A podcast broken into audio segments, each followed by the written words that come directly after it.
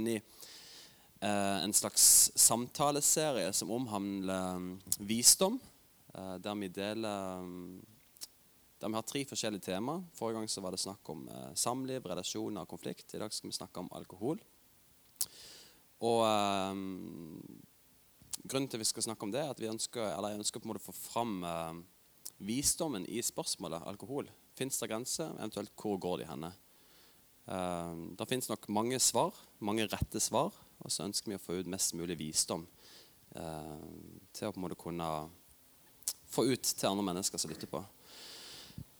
Sånn rent eh, sånn helt i begynnelsen så har jeg lyst til å bare nevne bare litt kort i forhold til hvordan rolle eller på en måte hvordan alkohol blir sett på og praktisert i Bibelen. Og ifra, fra ganske begynnelsen så så kan en lese ganske tydelig at alkohol var en del av kulturlivet i, i verden, også i Israel. Det var, det var, ikke noe som ble sett på som synd, eller noe sånt, men en så at, at, det var ofte negative konsekvenser med bruk av alkohol.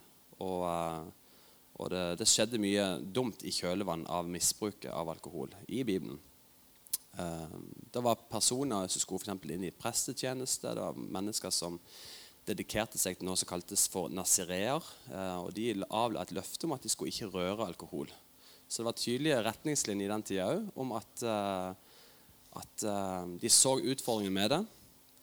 Og visse mennesker dedikerte på en måte et slags liv i avholds for å tjene Gud på en, hva skal jeg si, en 100% ren måte uten at du kan finne på å snuble. Uh, I samfunnet opp gjennom tidene, og i Norge da spesielt, hvis vi kan snakke om det, så har alkohol uh, egentlig alltid vært en del av samfunnet her òg. Eh, og hvis en leser litt historie, så er det helt tydelig at alkohol har vært et ganske omdiskutert og problematisk emne. det er noe som alle har hatt et forhold til, og i perioder er det noe som nesten alle hadde et negativt forhold til. Um, um, på, på 30-tallet, når pinsebevegelsen ble starta, så ble egentlig pinsebevegelsen starta som en slags avhold, eller hånd i hånd med en avholdsbevegelse. Så skulle du være medlem i en pinsemenighet i Norge, så måtte du være avholds. Og det ble en slags sånn motstrøm mot den trenden som var i samfunnet. For samfunnet var eh, på mange måter nesten litt ødelagt av alkohol på den tida. Og det har det vært i perioder.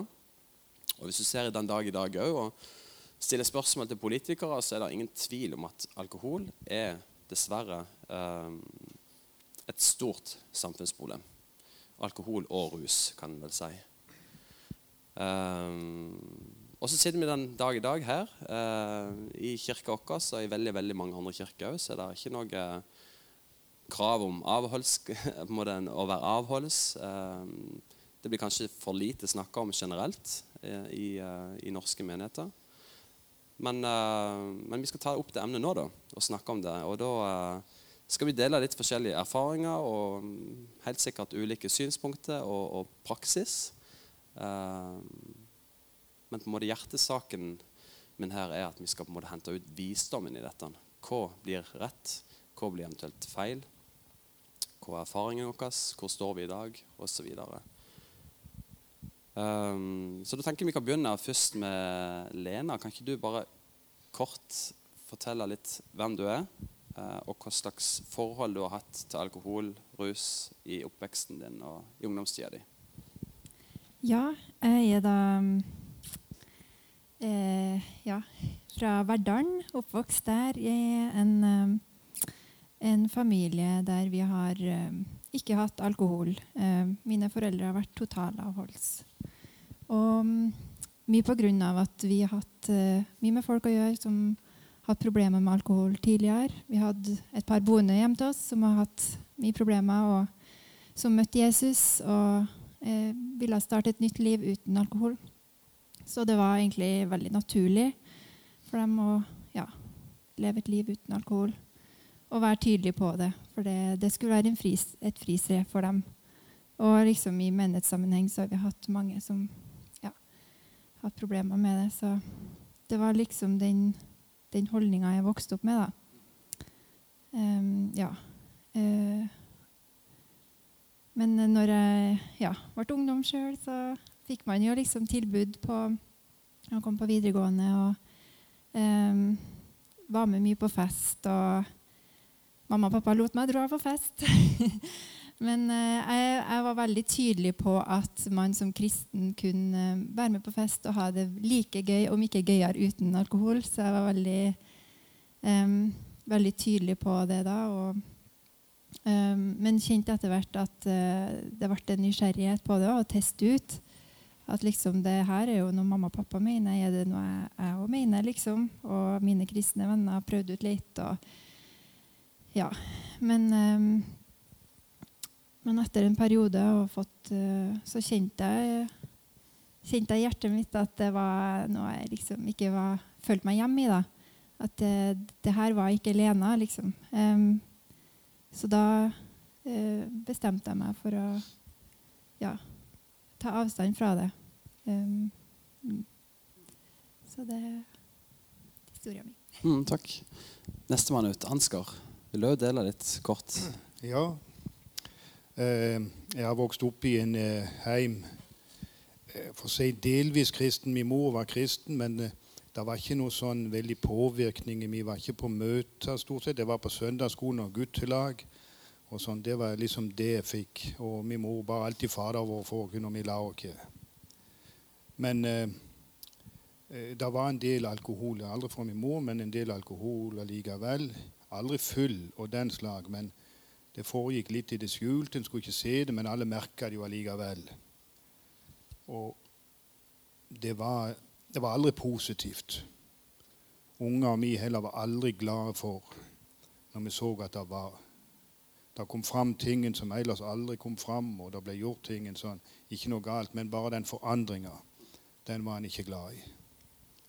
Så den sida der, og spesielt jul, for jul er en høytid, og det er fridager. og det er litt for at det da kommer fram. Så det er ikke alle minnene fra jul er like gode.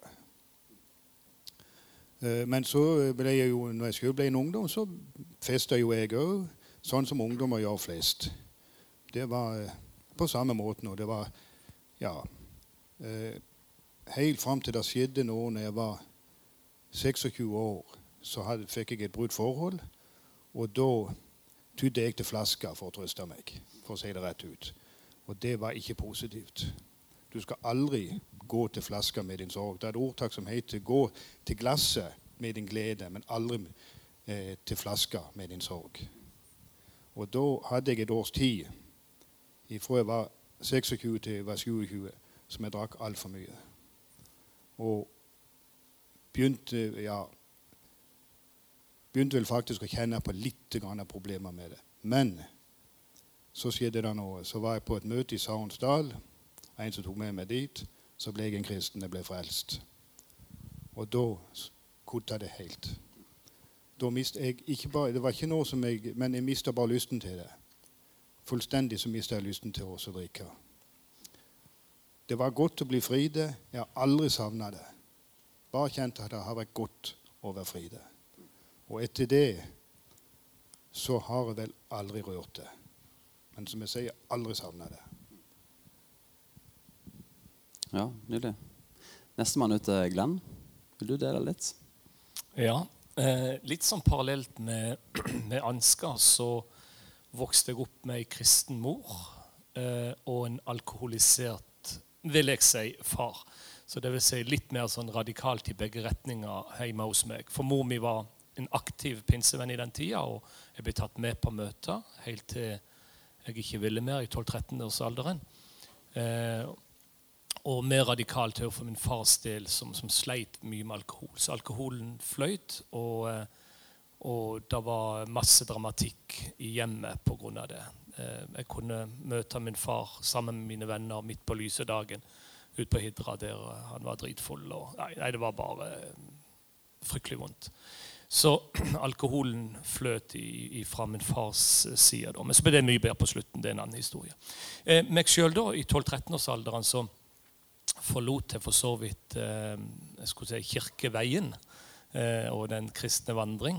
Eh, og, eh, og, ble nok noen år en, jeg skulle si, nesten litt sånn utagerende. Kanskje en av verstingene på Hidra i, blant ungdommene iallfall. Skulle ikke tro det, men jeg gjorde det. Um, faktisk to ganger så ble jeg tatt for å ha, ha brutt meg inn. Uh, og stjålet i vinkjelleren til foreldrene til mine kamerater på Hidra. Eh, så det, der var jeg. Eh, men så ble jeg jo da eh, Så litt sånn, litt sånn egentlig dramatisk oppvekst, men med, ei fantastisk god mor som, som virkelig tok vare på meg og prøvde å vise meg veien. Um, men uh, i 1990 så, så, dør min far, og, um, og, da skjer det en radikal helomvending for meg. Og det kan jeg jo fortelle mer om etterpå. Og da endrer òg alkoholbruken seg. For fra ungdom og fram til da så hadde jeg litt sånn helgefester og, og mer sånn på, på det nivået. Mm. Så bra. Fredrik? Ja. Uh, jeg er jo, vokst opp med deg, Kristoffer, i samme hjem. Da, så, så, vi har jo noen foreldre som uh, har vært avholds. da, Men uh, som du sa eller, ja, Det har ikke vært noe spesielt alkohol i huset. da, uh, Egentlig ingenting, ville jeg sagt. da. Men så er jo sjøl når jeg vokste opp, så kom jeg inn i en vennegjeng da, der um, vi var eller Jeg hang veldig mye med ei gruppe som ikke var kristne. da, og, og det sier seg sjøl at de går jo den veien de går, da, inn i festmiljøet. Da blir jo jeg hengende på slepet da, med. da, så i begynnelsen var jeg ikke med og drakk noe egentlig smakte bare i ny og ne. Men så Jeg husker ikke hva som skjedde, men flere ganger så ble jeg med. da, Så etter det så etter du tok det steget, da, så ble jeg med mer og mer. Og så var det kanskje helg, hver eneste helg til ja, noe sånt. Og, og fram til jeg dro på noe oppdrag. Uh, på en merkelig måte ble jeg lokka inn i det. så uh, da hadde vel, da var jeg vekke fra alkoholen i kanskje halvt år, men da jeg kom hjem igjen, så var jeg tilbake igjen i samme vennemiljø igjen da.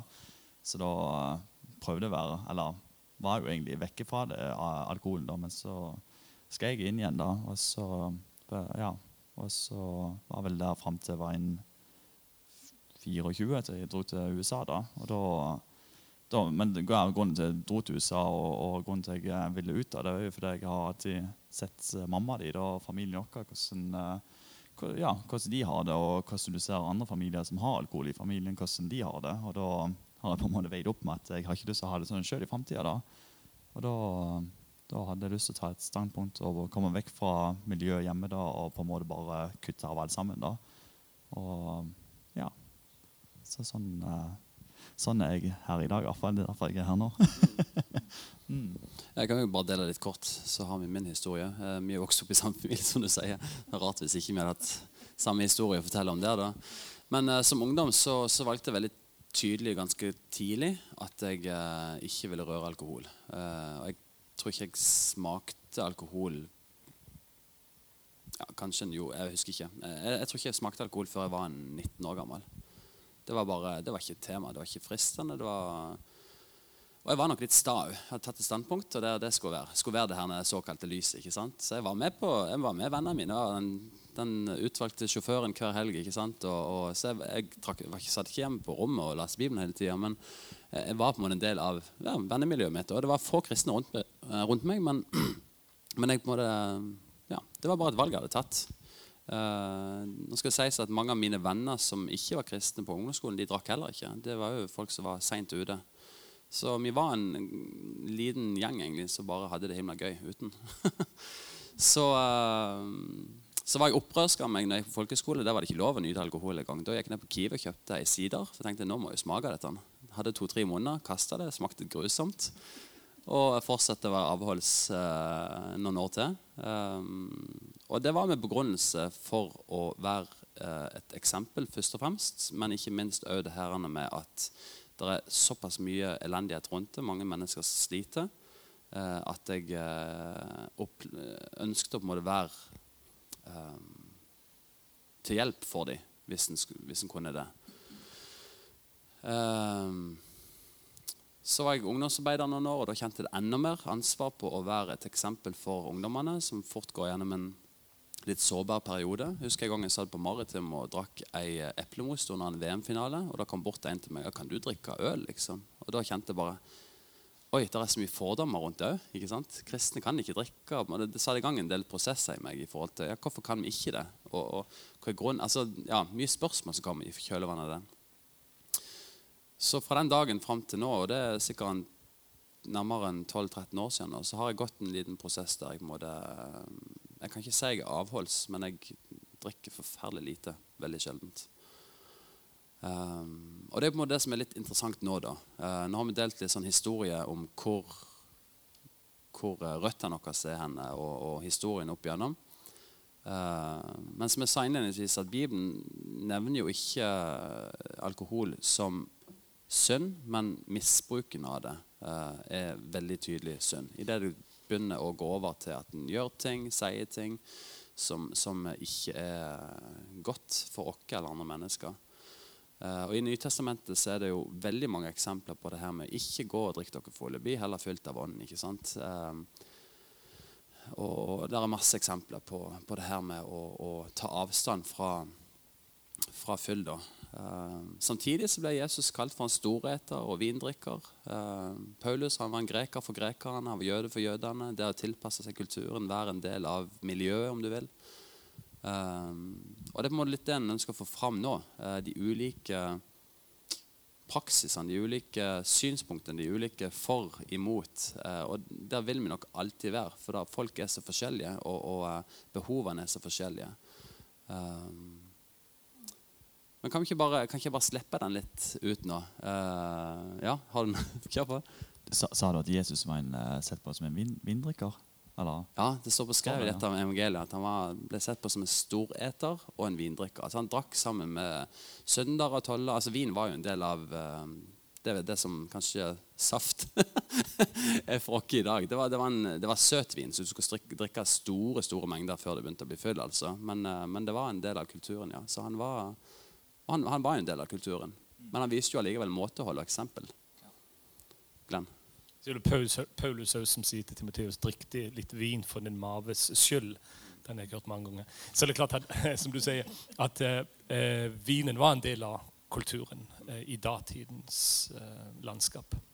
Mm. Ja, så eh, Ansgar, du har sagt du ikke har rørt alkohol fram til den dag i dag nesten. Hvorfor ikke? Nei, Bibelen altså, sier jo at vi kan jo det. Ja, men, eh, men for meg med min bakgrunn så Eh, og når jeg kjente på de tingene jeg gjorde, så ble det bare helt naturlig for meg. og bare Naturlig og godt å kutte det ut. Og jeg hadde, Til å begynne med så hadde jeg ikke noe sånn standpunkt at jeg, en, eh, at jeg hadde bestemt aldri drikke. Det ble bare naturlig for meg å gjøre det. For både som guttunge og i ungdomstida opp gjennom alt så har jeg sett eh, de negative sidene. Og jeg opplever at med alkohol så er det jeg vil si nesten 90% negativt. Jeg hadde en farfar som kunne ta ei flaske øl og stoppet med det. Men ellers så er de de fleste så er det båndene i, i flaska som de må se. Så eh, ja, det var Men eh, grunnen til at jeg ble eh, Den minste sønnen min, Martin, han var med i trailklubben. Og der kunne de få støtte fra Emma, Emma Motorførernes avholdsforbund. Men for at de skulle få det, så måtte de ha noen medlemmer som var totalavholdende og ga et avholdsløfte. Mm. Og det var jo ikke så lett å få. Derfor måtte jeg trå til da. Og da gjorde jeg det, og så har jeg holdt det siden. Eh, meg og deg Ansgar, vi har jo litt sånn, litt sånn samme bakgrunn. Eh, men jeg er nok litt der mer det som din bestefar er. At eh, ikke sånn totalt, men jeg kan ta ei flaske øl, men eh, på en måte jeg, jeg, stopper med det. Så selv om jeg på en måte opplevde veldig mye vondt med alkoholen, så ser jeg ikke på en måte, jeg ser ikke svart på det. Men for, jeg kan røpe allerede nå at, at grensa mi den går på en måte med, med altså, Du snakket om påvirka, men at, at det du blir påvirket, det du blir berusa. Eh, Iallfall som en kristen, eh, i kjølvannet av det jeg leser i Bibelen, så klarer ikke jeg å finne noe annet rammeverk eller noen annen passform enn at beruselse er synd. Eh, men igjen, eh, jeg eh, jeg kan ta et glass øl, jeg kan ta et glass vin. Det er ikke så ofte jeg gjør det. Jeg kan til og med ta to. Og En gang så var jeg med og feirte jødisk påske. Og det kan jeg jo innrømme allerede nå at eh, fra 1990 og fram til i dag så har jeg aldri drukket så mye alkohol på en kveld som jeg gjorde da jeg var med og feira jødisk påske. Så sånn er det. Stine, hun, uh, hun, som jeg er gift med for lytteren sin del, hun uh, har jo hatt en litt annen retning i livet og erfaringer enn det jeg har hatt. Så når vi ble sammen og gifte oss, så, så, var hun vant til å ha en liksom, ost- og vinkveld ikke sant? og, og uh, var glad i øl. Og, mens jeg var jo fremdeles litt der at det var jo nesten en grunn til å gifte seg, ikke sant? det skapte en del diskusjoner, kan du si. Og Jeg var dypt skuffa hvis hun hadde vært med en venninne og drukket et par glass, liksom. Fri og bevare. ja, vi gikk fra meg.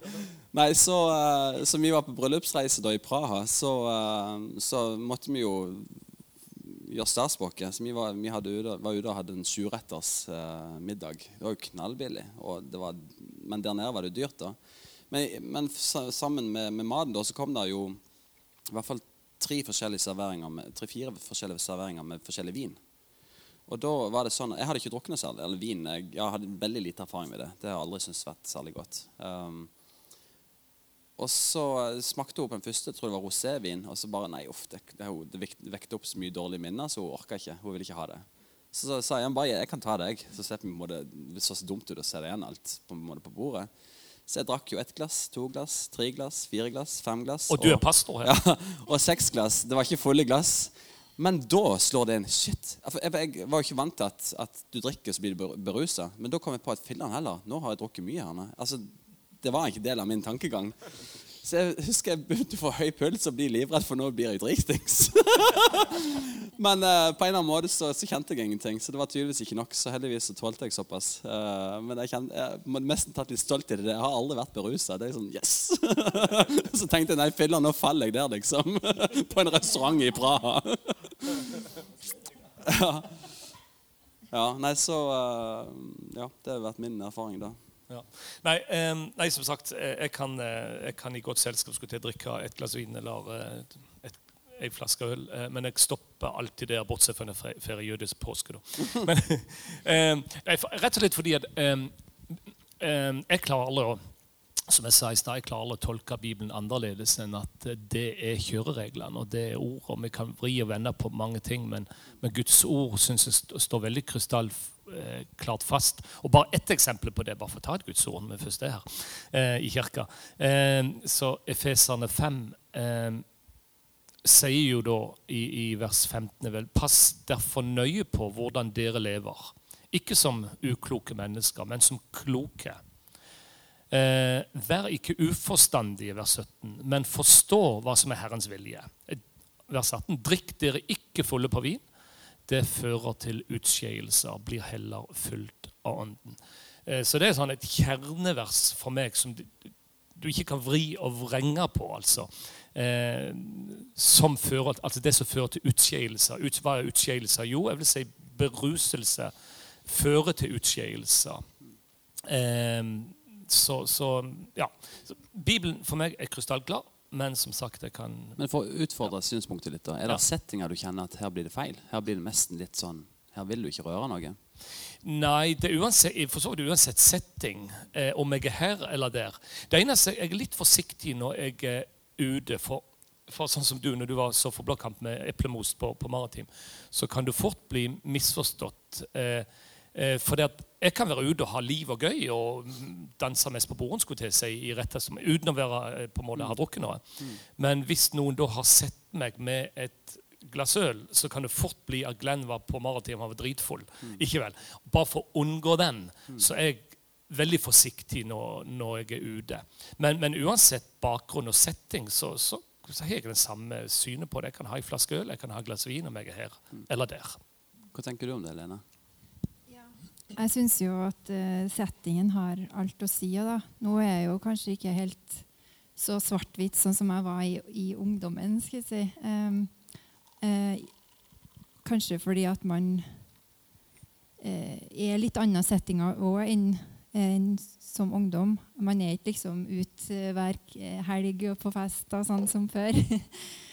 um, vi vi har, liksom Jeg har ikke noe mot å ta meg et glass eh, en sjelden gang. Men i praksis så blir det jo veldig lite eller nesten ingenting. Um, og uh, ja. For meg er det Eller jeg syns det er viktig at hver enkelt kjenner etter hva blir rett for meg. Uh, fordi jeg tenker man har blitt lagt på um, ulikt ansvar, da, eller ulike kall. og um, som eksempel, Jeg har jobba mye med ungdommer og vært i settinger der at det har vært viktig for meg å ta litt avstand fra alkohol for å være et forbilde. Eller hvis det kunne gjort at det har vært lettere for noen å sagt nei, føle seg pressa kanskje til å si være med og drikke, eller eh, Så er jeg villig til å ta den. Og jeg har et veldig godt liv uten alkohol. Jeg har ja, helt topp. Eh, og når jeg vet òg at det er så mange som eh, sliter med alkohol Du vet aldri hvem det er i dag, så det er liksom en så skjult, skjult greie. da. Mm. Man kan, det kan være nærmeste nabo, og du kunne ikke ensa det, liksom. Mm. Eh, så burde- jeg kjenner det at eh, Ja. Burde vi da, eh, bare for å utfordre den litt, burde vi heller på en måte vært tydeligere og flinkere til å på en måte satt et godt eksempel med bruk av alkohol? Istedenfor å ta helt avstand, eller nesten helt avstand, burde vi vært flinkere til å på vært um, Skjønner du hva jeg mener? At, at vi var flinkere til å vise at alkohol det er helt ok, men det stopper med det ene, uavhengig setting. Og på lang sikt da vise at et godt eksempel for både unge og, og gamle at eh, at, eh, at alkohol er til for maten, eller eh, på en moderat, god måte, og på en måte over tid da, faktisk har starta en ny trend, en ny utvikling i samfunnet, der det ikke blir fylle, som vi ser i dag, men det blir med som, som vann eller saft til maten, eller hva det er for noe sosialt. Mm. Ja, jeg tror av og til det kan være lurt at vi, vi på en måte ikke fremtoner og fremstiller det vi tror på, eh, som er fantastisk liv i frihet, som Gud har kalt dere til. Jo som at vi går inn i den grøfta at alt er fy-fy. At de vi blir litt sånn mørkemenn omtrent rundt alkohol. liksom. Eh, for, så jeg tror faktisk alkohol kan være med å løse litt på snippen av og til. og og ikke du skal bruke alkohol for å vinne mennesker, det er ikke det jeg mener, men, men, men altså at vi ikke går i den grøfta at, eh, at vi blir sånn fy-fy-kristne. Um, for det tror jeg ikke virker um, attraktivt for andre. Så ja, et glass vin i godt venners lag. eh, Ja, helt i orden. Men, men som du er inne på, Lena, jeg er helt enig. Hvis du er med mennesker som har eksempel hatt et alkoholproblem, så setter du deg ikke ned og skåler med dem. Altså der må, der bruke. Så akkurat i den, det tilfellet er jeg enig i at der, betyr settinga litt. Grann, mm. uh, når jeg kom hjem fra USA, så var vi meg en Nella sammen. da, og Da skulle vi på sånn, kan vi si, sammen, skulle samles med et annet par. da, og Så hadde vi mat sammen. og da jeg fant, eller, okay, Mens jeg var i USA, da fant jeg ut at det fantes så mye annet øl enn bare Carlsberg. og sånne type ting da, Så jeg ble jo frelst på ny når det kommer til sånne ting. da, For det, alkohol smaker veldig veldig godt når det kommer til andre typer ting enn bare standard øl. da. Så jeg, jeg syns det er vanvittig mye godt nå. da. Og når jeg kom hjem, så, så hadde jeg jo ingenting imot det å ha et glass vin eller glass øl her og der. Men, eh, og jeg tenkte jo i settinga at det var kanskje ikke det store problemet. Men så dro vi besøkte noen folk, da, og så hadde vi mat og kristne da, i, og sånt. Eh, men så, og så hadde vi vin, da. Eh, og så tenkte jeg ikke noe over det, så jeg tok et glass vin, og, og det gjorde hun òg, og de andre òg. Men den ene personen ville ikke ha vin, da, for det, den likte ikke det. Men, men røyk det kunne han ha. for det, eh, det, var, det var ikke noe galt i å ta en røyk når vi tar vin. Liksom. Hva er problemet med det? Liksom. Ja, tenkte- røyk som en uh, prins, liksom? ja, ja, prins, ja. Ja. Så jeg tenkte, jeg tenkte bare sånn OK, men jeg vil ikke at, uh, at pga. jeg tar vin, så kan du ta en røyk, eller pga. jeg gjør det, så skal altså, Så, altså, så jeg, jeg er litt mer der at jeg prøver heller å finne altså, Jeg vil ikke at uh, Eller settingen, altså de, hvem du er med, og, og, og sånt. og har, det har, altså, da, Sånn som dere sier med folk som er tidligere alkoholikere, eller sånt, så at man burde kanskje være obs på hvem man er rundt. da, for, for men igjen så er jo på en måte ikke Jeg vet ikke om det er ansvaret vårt heller. da, at eh, Hvis den personen vil røyke seg, i det skal han få lov til å gjøre det. det tenker jeg, Men, eh, men eh, det var, når jeg hørte det, så tenkte jeg bare shit, ass, jeg har ikke lyst til å drikke det foran de da. Men igjen så har jeg ingen problemer med å gå på sentralen da og ta i ølærerne, men jeg gjør det heller ikke klokka tolv på kvelden. da. da jeg gjør det jo i åtte, ni, ti tida, så jeg går ikke ut på Men Så da har settingen noe å si? Det å gå ut klokka halv ett på sentralen Ja. etter du har vært og kjørt, eller et så går du ikke inn der og tar øl, Nei, liksom? for Da er det jo full av fanteri der nede. Så jeg tenker, hvorfor skal jeg ned og ha øl da? Det er, og plutselig natt òg, så jeg vil gå hjem og sove, da. Det har jeg jo merka. Det hender å gå på fest, eh, skulle til si, eller i festlig lag. Eh, og det å gå på fest klokka tolv og ett, det er noe dritt, altså. For det er folk blir så dumme.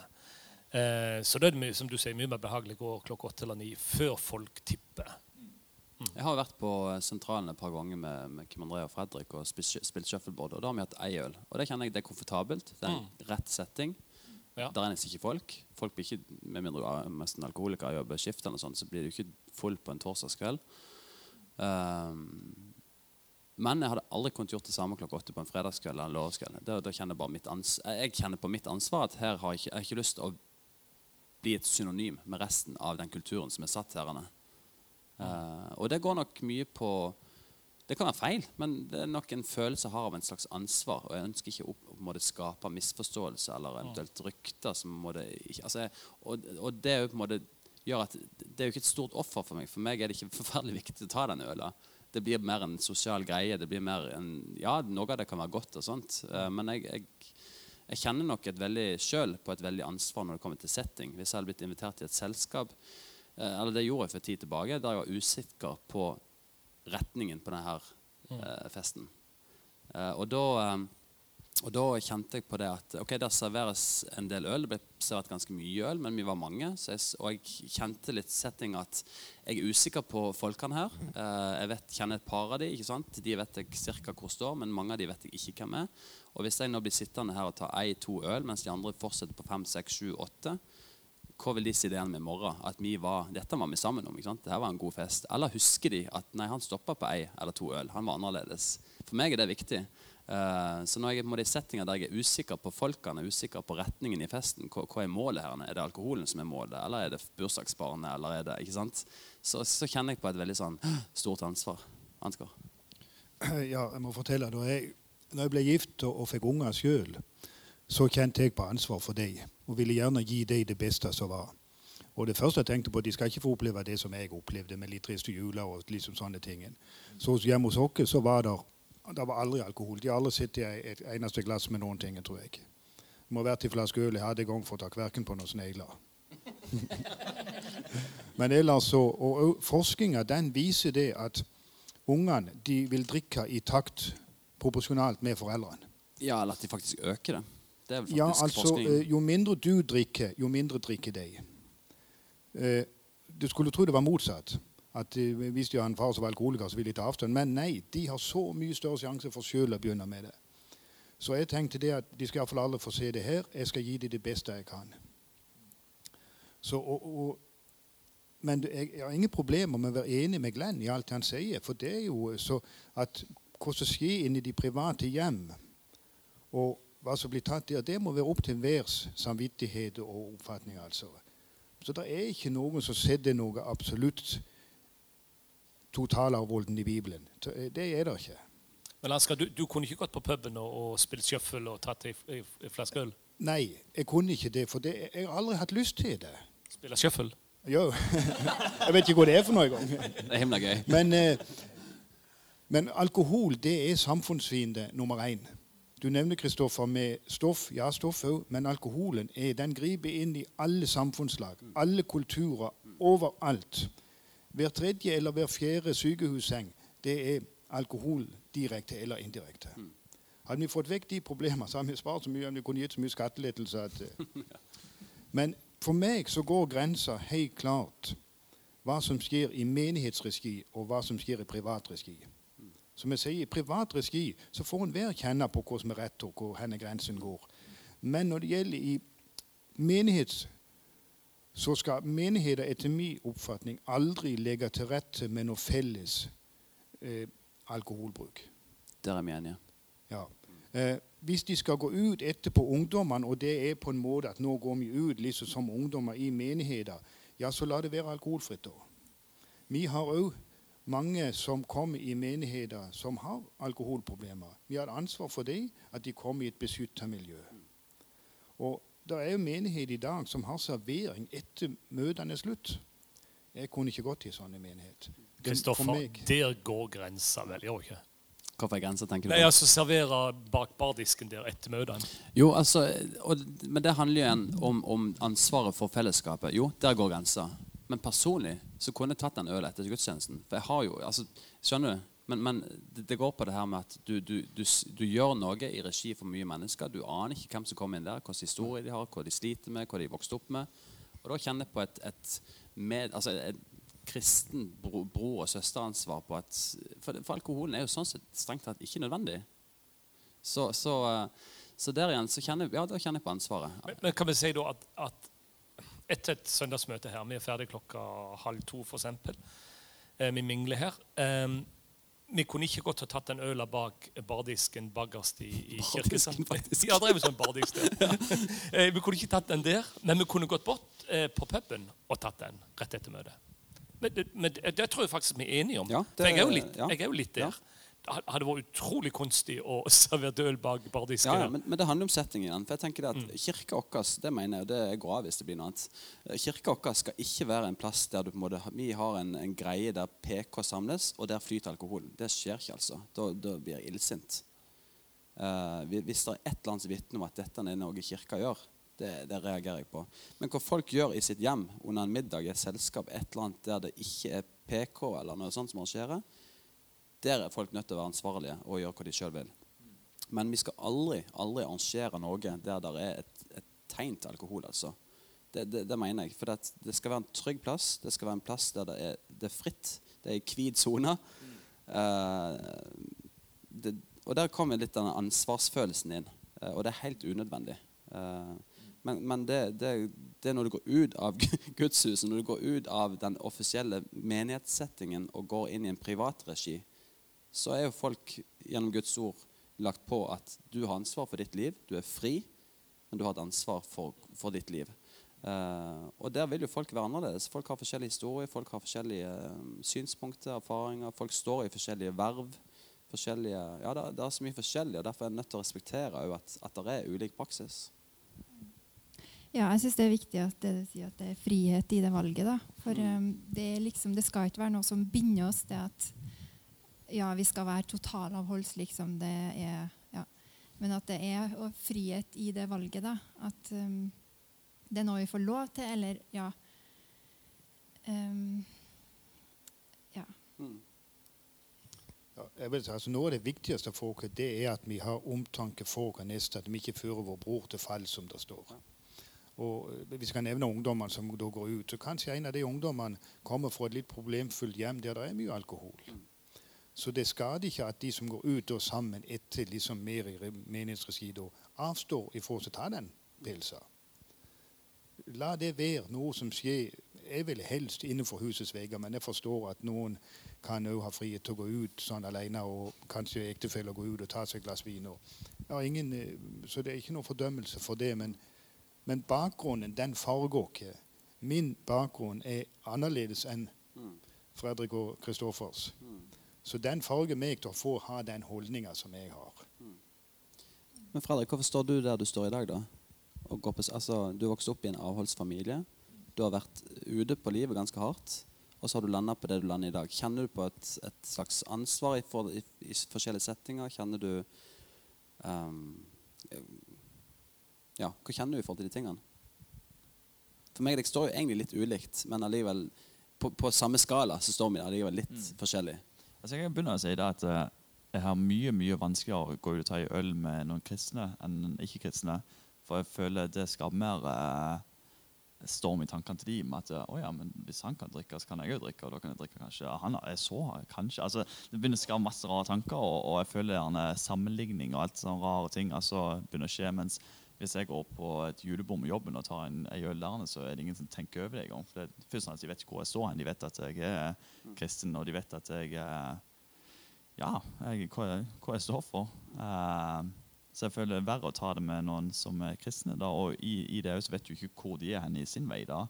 Uh, som uh, da denne historien som jeg fortalte i stad. Så jeg er mer var på det med òg. At vi, vi, eh, altså med brødrene det går det greit med. Med søstera til Nella går det greit med. Men når vi begynner å altså Jeg ville ikke spurt uh, andre folk i kirka her hei, skal komme på sentralen og ta øl. For jeg, jeg vet ikke hvorfor, men jeg, det bare ser ikke for meg at det passer en plass, egentlig. I mitt hode, da.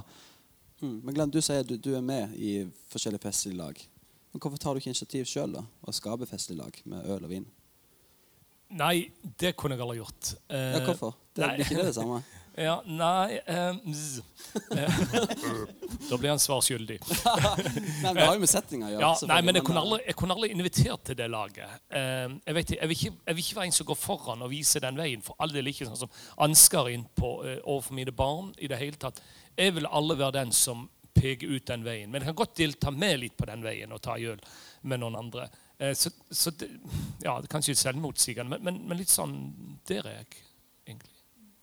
Nei, det ikke, jeg syns ikke det er selvmotsigende, for jeg kjenner på det samme. Ja, ok. Vi, vi har takk. aldri Eller jeg, kanskje. Men jo, jeg tror jeg kanskje jeg serverte øl til Fredrik hjemme.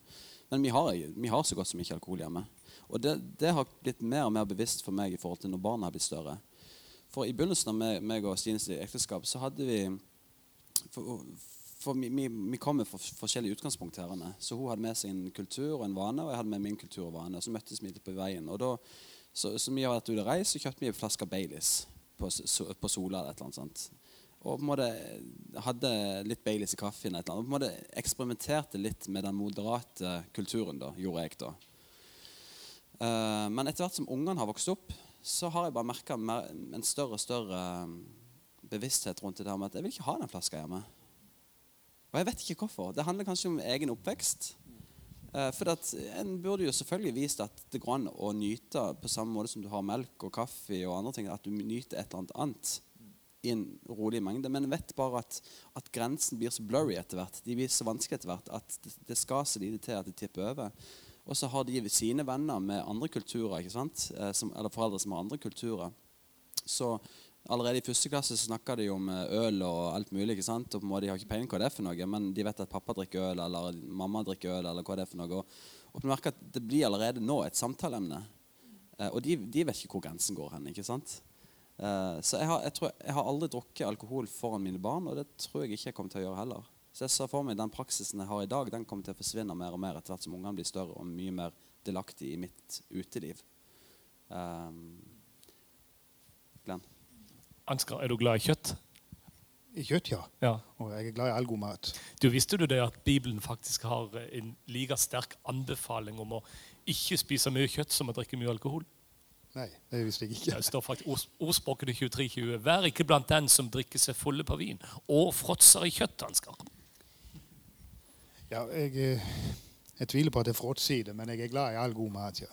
Men jeg, jeg tenkte på en annen ting. enn at I, i jobbsammenhengen min så har jeg vært mye ute med de kollegaer og sånn. Vi har vært, i jobb, vi har vært på jobb, og det har vært eh, der vi har vært ute. Det har vært kurser, seminarer, alt mulig. Og alkoholen har fløtet til tider. Eh, og jeg har jo aldri da rørt noen ting. Så er ikke jeg den typen som er så veldig til å gå på og vitne og stå på. Men gjennom det å la være og så drikke det, og så være litt annerledes, at de ser det, så har det åpna seg. Så spør de hvorfor drikker ikke du? Ja, så kan jeg få lov å fortelle da hvorfor ikke jeg drikker. Grunnen til det. Så kan jeg få levere inn mitt vitnesbyrd, og da er det de som kommer til meg, ikke meg som trenger meg på det. Så det har vært en veldig fin anledning. Jeg har nok opplevd det motsatte i mine jobbsammenhenger. At eh, har, De har spurt er du avholds, så er du kristen. Nei, jeg er ikke avholds, jeg kan ha meg øl. Men det kommer an på settinga, sagt. Og jeg har på en måte fått den andre sida at eh, Så bra at du kan vise altså, at, for Mange av de jeg har jobba med, de har uttrykt veldig tydelig at alkohol det er, det er mye drit med det. Og de har ikke hvorfor de holder på. Det er det samme. Altså, det, er annet. Altså, det virker så meningsløst ut ifra deres perspektiv òg. Og det å da vise moderat, altså en moderat holdning til det, har på en måte nesten fått en slags respektiv Eller sånn at en har oppnådd respekt hos de da. Vi går inn for landing, men uh, du hadde lyst til å si noe? Uh, nei, altså, eller, bare tenker hva du sier. si, Det var litt om det der jeg er i dag. Og det med unger i framtida, sånn, så tenker jeg selv eller, først og fremst, man må ikke ha altså Ingenting skal være en idol i livet. altså Ingenting skal være en gud annet enn Gud sjøl. Han skal være Gud. altså jeg tenker for eksempel Kaffen så husker jeg var i USA så fikk jeg en der med at vi ikke skulle drikke kaffe, for det inneholdt jo koffein. da, Så holdt vi vekke fra kaffe i et år nesten. Uh, og det er greit, men jeg elsker kaffe. Og det samme, jeg, jeg er kjempeglad i øl, jeg er kjempeglad i vin. Men hvis du som pastor har sagt at vi, skal være avholdserne, så har det vært avholds. Og da er det punktum der. Så altså, Det er viktig å ha et avslappet forhold der man kan sette punktum med det hvis, hvis man uh, får et råd fra en annen person der og bare kjenner ok, han, uh, han har visdom i det, og han er kanskje min leder, så da må jeg gjøre det. da. Uh, for man er jo kalt til å underordne seg lederen i livet sitt. da. Men så husker jeg jo pappa sa for en stund siden at han alltid har lyst til å være for oss og vår skyld. Derfor han alltid har hatt avstand fra alkoholen hjemme. Da, var at han ville være beredt. altså Hvis noe skjedde, så var han klar til å kjøre oss til sykehuset eller til doktoren. Eller han var alltid klar til å hente oss hos uh, vennene våre hvis vi uh, skulle overnatte. altså sånn type ting, hvis det var noe som skjedde. Og jeg tenker akkurat det samme for en unge som har lyst til å være klar hver eneste dag. altså Hvis han trenger meg, så skal jeg være klar da. Uh, om jeg, altså selvfølgelig, jeg kommer sikkert til å ha øl eller ei halv øl, men jeg, kom, jeg, vil aldri drikke det vet jeg, aldri, jeg ikke kan kjøre. altså den der. Mm. Så ja, jeg tror det er viktig å, å ha et, et avslappende forhold, og ikke at det er idolen i livet. At jeg må ha det for at da skal jeg kose meg i kveld. liksom. Mm. Men at ja, kan jeg ikke, så kan jeg ikke. Det er et fett. Mm. mm. Ja, og jeg kjenner det for liksom barna sin del. Det kjenner jeg nå når det er blitt foreldre. og ja, mm. De skal vokse opp. og Jeg kjenner sjøl at det holdningene som foreldrene mine hadde, de er i ryggmargen min. Mm. Om jeg vil det eller ei. på. mm. Og da vil jeg sjøl skape det hjemmet for mine barn, og at de skal ja, mm, vokse opp med det. Så ja, det gjør valget mye lettere òg. det er vi enige om, og det, det, er et veldig ansvar alle som har blitt foreldre, har. Mm. Det er å, å være Ungene har aldri noe større forbilde enn sin far. Mm. Og Derfor er det viktig at far han, eh, går foran med et godt eksempel. Mm. Ja. Det er jo interessant med kulturen vi lever. Klart for, går du tilbake 40-50-60 år siden, så var jo den kristne holdninga til alkohol mye mer bombastisk. Det var mye mer svart-hvitt. Det var et mye mer samfunnsansvar. Du fikk ikke lov å være medlem i en menighet, en pinsemenighet i hvert fall, uten at du måtte tok det løftet med å være avholds. Uh, og vi er jo ikke der i dag. Uh, men samfunnet er på randen altså, Der er forferdelig mye negativt med alkohol. Du ser i skilsmisser, utroskap, i forhold til sykdom, i forhold til misbruk altså, Der er forferdelig mye. Burde vi hatt et større Burde vi tatt et større ansvar? Eller er det, er det svaret på en måte ta det? På en måte, nei, total avholds. Er det det som er svaret i, i sånne caser? Eller er det Jeg skulle ønske at vi gjorde det som, som et fellesskap. Mm. Eh, for det som du sier, alkohol fører veldig mye vondt med seg. Mm. Så det skulle jeg ønske. Eh, samtidig som jeg ikke skal være mørkemann. Nei, Men jeg skulle ønske alkoholen ikke fantes. Mm. Og det tror jeg du kan spørre hvem som helst. Hadde vi hatt et samfunn uten alkohol, jeg tror alle hadde vært takknemlige for det, for de ser baksida av den medaljen. Mm. Nå skal vi i neste bystyremøte ha alkoholpolitisk plan for Flekkefjord den neste perioden. Og, mm. og, og tenk hvis vi bare kunne ha, Det kunne vært så enkelt at vi bare sa ja, ingen alkohol i Flekkefjord. Med. Selvfølgelig var det noen som tjener penger på det, som vil tape på det. men um, Nei, jeg skulle, ønske, jeg skulle, egentlig ønske et samfunn uten alkohol. Eller, eller, at vi bare kunne vært såpass oppegående og på tatt ansvar for sitt eget liv og vist måtehold.